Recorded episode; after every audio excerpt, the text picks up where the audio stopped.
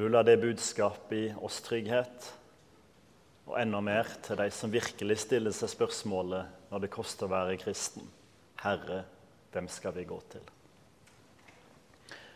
Hør det hellige evangelium fra Johannes evangeliets kapittel 6, vers 63-69.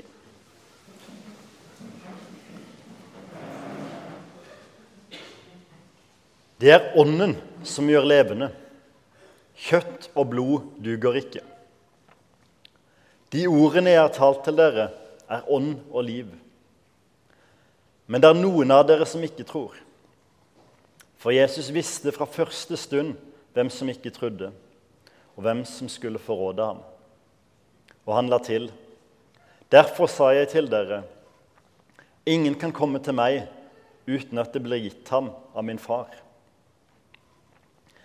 Etter dette trakk mange av disiplene seg unna og gikk ikke lenger omkring sammen med ham. Da spurte Jesus de tolv, 'Vil også dere gå bort?' Simon Peter svarte, 'Herre, hvem skal vi gå til?' Du har det evige livs ord, og vi tror og vet at du er Guds hellige. Slik lyder Herrens ord.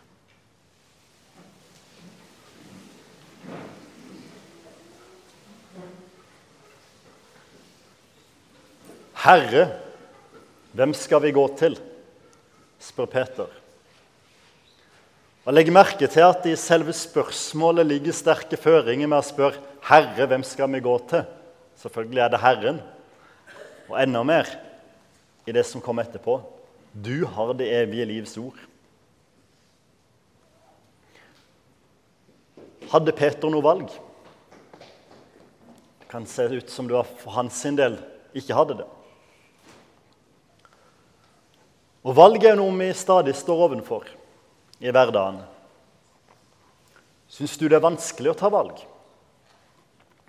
Tja, kommer antakelig an på hva det gjelder.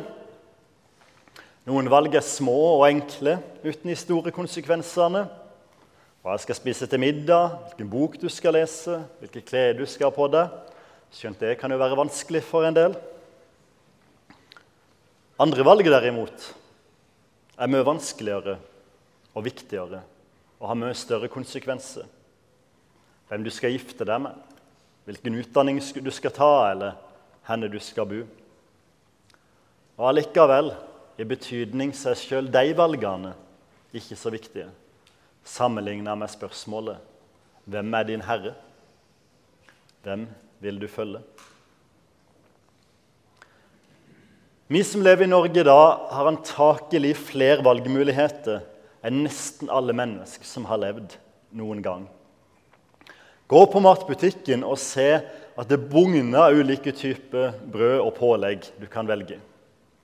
Hvis du går inn på Netflix eller Spotify, så er tilbudet enda mer variert. Og For ungdom som skal velge yrkesvei, så er utfordringa ikke at en ikke trivdes med det yrket faren hadde, men alle mulighetene og all tvilen det kan skape. Og Allikevel så setter vi jo så stor pris på det å få velge. Det er så viktig for oss det at vi skal ta et valg. Sjøl har jeg gleden av å være far til tre små barn. Det er greit at jeg kommer igjen liksom, og holder dere oppdatert på hvor mange barn jeg har. og sånn. Første gang én, og nå to, og så tre. Så hvem vet? Neste gang jeg kommer, så er det kanskje fire. Og En stadig utfordring med barna er hvem skal velge? Hvem skal bestemme? Nå begynner det å gå mot høst både på Jæren og i Grenland. Og det er en stadig kamp om minstemann skal få lov å velge å gå med sommerklær fortsatt. Da framstår jeg som en ganske kjip far. og Han blir ganske irritert når han må ta på seg vinterdressen. Selv hos små barn, og kanskje spesielt der, så kommer det så tydelig fram det som sitter så dypt i oss alle, det er at det er meg som skal velge hva jeg skal gjøre som antakelig blir forsterka av de mange mulighetene vi i dag har. Valg spiller en stor rolle i denne teksten. Disiplene står overfor et valg og følger Jesus når det blir utfordra eller ikke.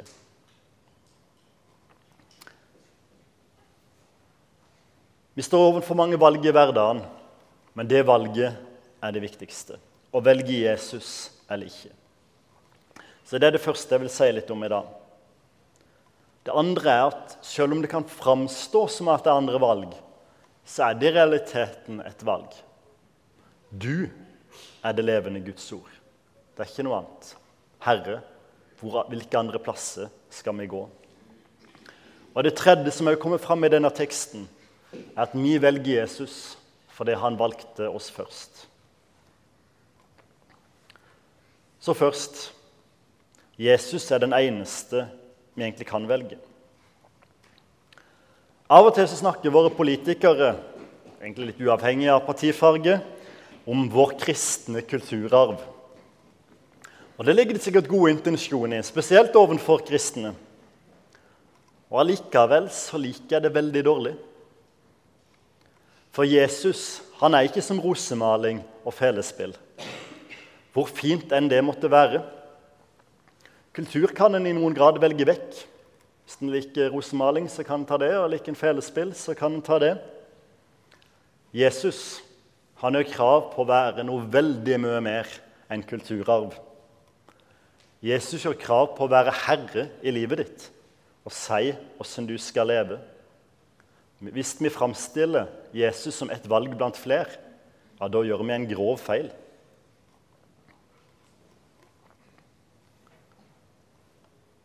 Så vi bekjenner sammen med Peter. Herre, hvem skal vi gå til? Du har det evige livs ord, og vi tror og vet at du er Guds hellige. I vår samtid, der frihet, valg og selvbestemmelse står så sterkt, er vi som kristne veldig motstrøms når det kommer til akkurat det. Jesus er eneste valgalternativ. Det er ikke sånn at vi kan velge og vrake. Vi trenger faktisk ikke å ha kontroversielle standpunkt når det kommer til politikk eller vitenskap for å være motstrøms i dag. Det holder å si Jesus og han alene som det eneste alternativ, for det er han som har livets ord, ord å leve på. Tilsvarende på andre sida med fristelsen til tilpasning i forskjellige spørsmål. Noen kristne kan komme til å tenke at bare vi jenker oss litt når det kommer til der vi møter motstand, enten det skulle være ekteskap eller kjønn eller seksualitet, ja, da vil ikke kristne bli uglesett lenger hvis vi tilpasser oss der. Og det er feil. For det er i kjernen av vår tro så ligger noe veldig mye mer grunnleggende provoserende. En avvisning av menneskets valgmulighet for Herre i livet. Med at Jesus gjør krav på å være det eneste valget. Det er ikke bare det at Jesus er én sannhet, ubestemt form. Men han er sannheten i bestemt entall.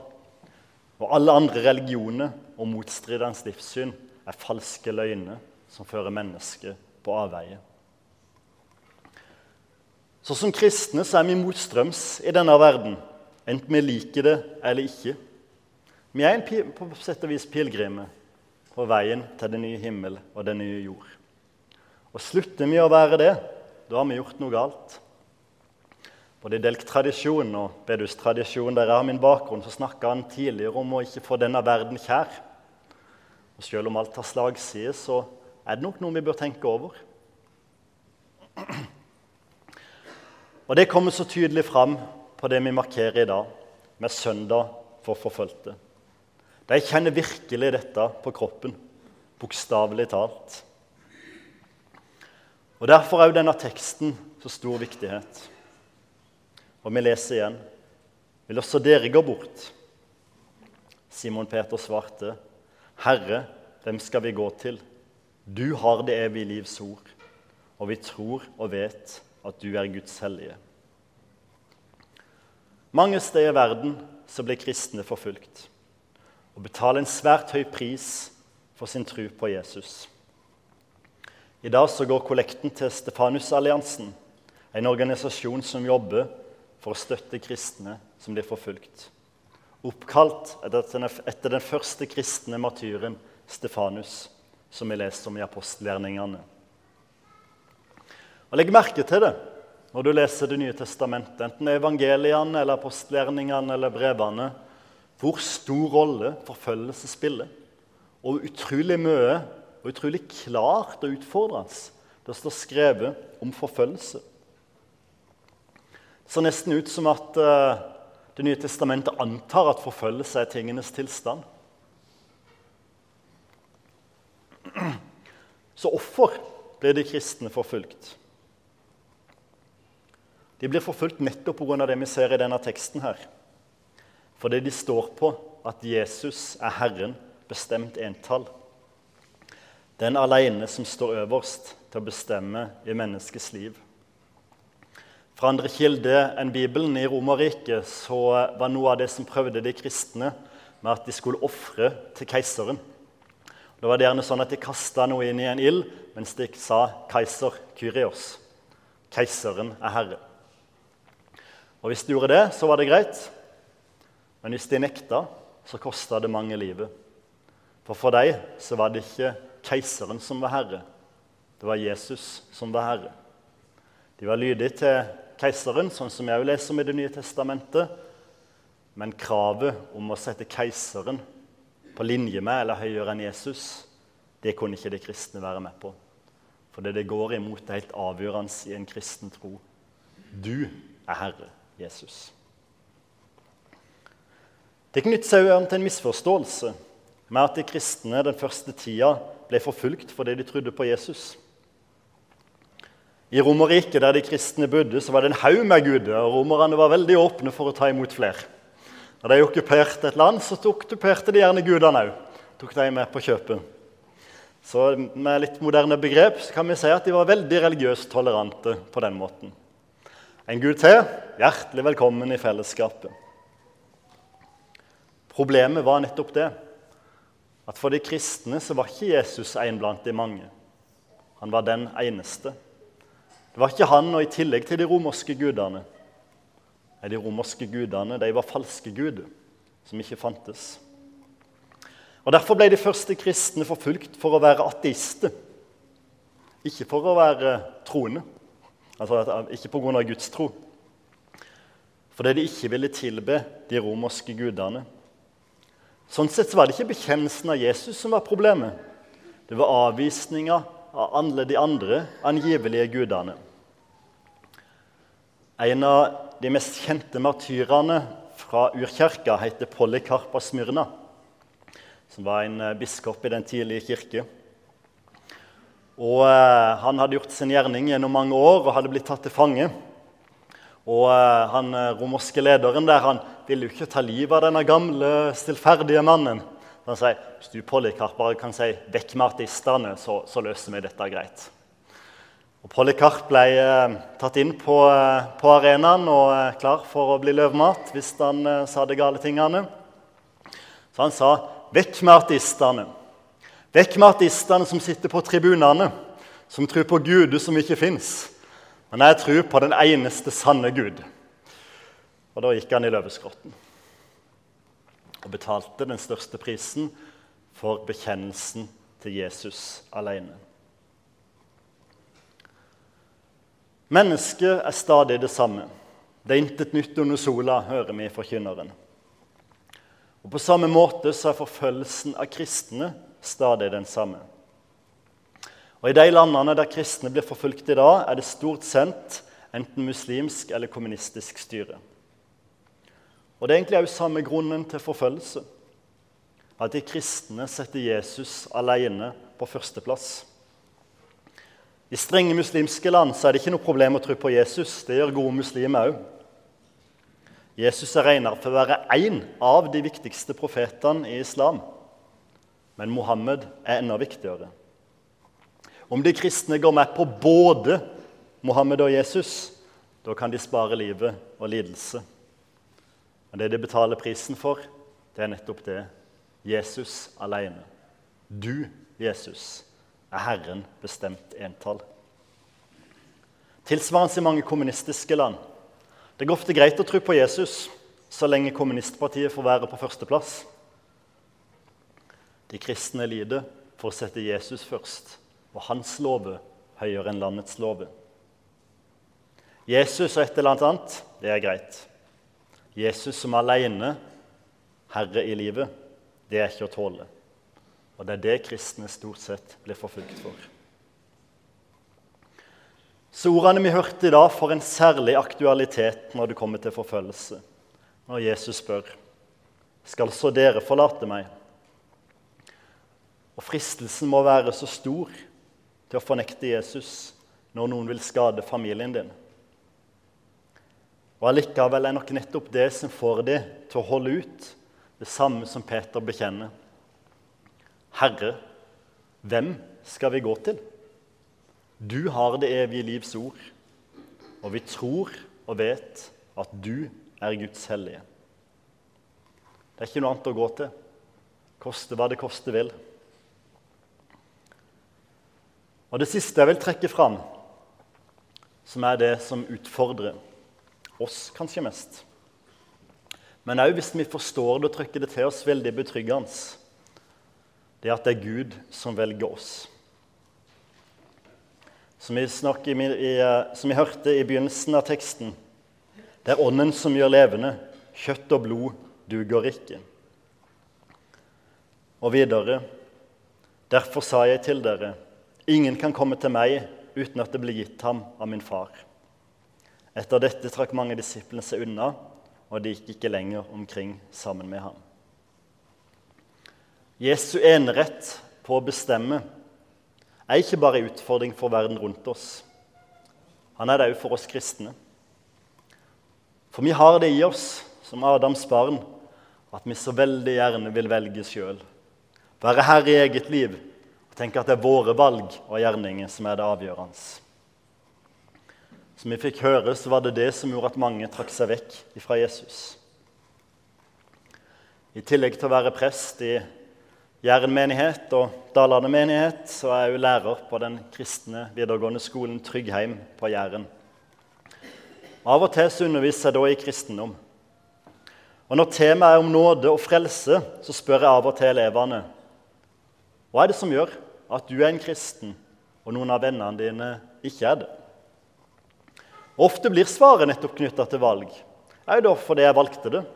Ja, greit nok det. Men hva gjorde at du tok det valget, og venninna di ikke gjorde det? Var det fordi du var smartere eller snillere enn henne? Det å velge Jesus det er jo både smart og moralsk rett. Og i det så ligger det et utfordrende, men også gledelig og frigjørende budskap. Det er ikke oss og vår visdom og viljestyrke som det kommer an på men det at Gud gir oss troen i gaven. Det er det som skiller oss fra noen andre. Vi velger å følge Jesus fordi han valgte oss først. Fordi han ga oss troen som adopsjonsgave. Og I det så ligger òg vår trygghet. Vår egen vilje er ofte så flyktig. I et øyeblikk så vil vi gjøre noe, og i et annet så vil vi noe annet. Og når motgangen kommer, så ombestemmer vi oss. Og om vår trygghet som troende lå i vår vilje og fornuft, så hadde vi hatt all grunn til utrygghet. Og heldigvis så gjør han ikke det. Vi følger Jesus fordi vi er gitt troens gave gjennom dåpen og ordet forkynt. På grunn av hans godhet var det alene.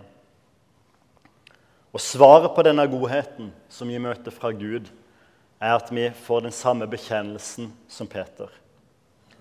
Herre, hvem skal vi gå til? Du har det evige livs ord. Eller som en del nok husker det fra Luthers lille katekisme om Den hellige ånd. Det er jeg tror at jeg egen kraft, egen fornuft eller kraft ikke kan tro på Jesus Kristus, min Herre, eller komme til ham. Men Den hellige ånd har kalt meg ved evangeliet, opplyst meg helliggjort meg og holdt meg fast i den sanne tro. For oss som er blitt vist hvem Jesus er, så har vi faktisk ikke noe valg. For det er Guds godhet mot oss, som vi møter dag etter dag, gjør alle andre alternativ utelukka. Ja, når Gud har gitt oss smaken på evangeliets sødme, ja, da blir alle andre valg smakløse. Jesus er den eneste vi kan gå til For det er det Han som har det evige livs ord og det evige livs brød. Og Det er det som gjør at mennesket, tross forfølgelse, holder ut i troa. Guds godhet alene. At Han har gitt dem det de trenger. Og Det er det det rike budskapet er, som jeg har gleden av å gå med og dele med hele verden. Og sammen med Peter kan si, 'Herre, hvem skal vi gå til?' Du har det evige livs ord, og vi tror og vet at du er Guds hellige. Ære være Faderen og Sønnen og Den hellige ånd, som var, er og være skal, en sann Gud, velsignet i evighet. Amen.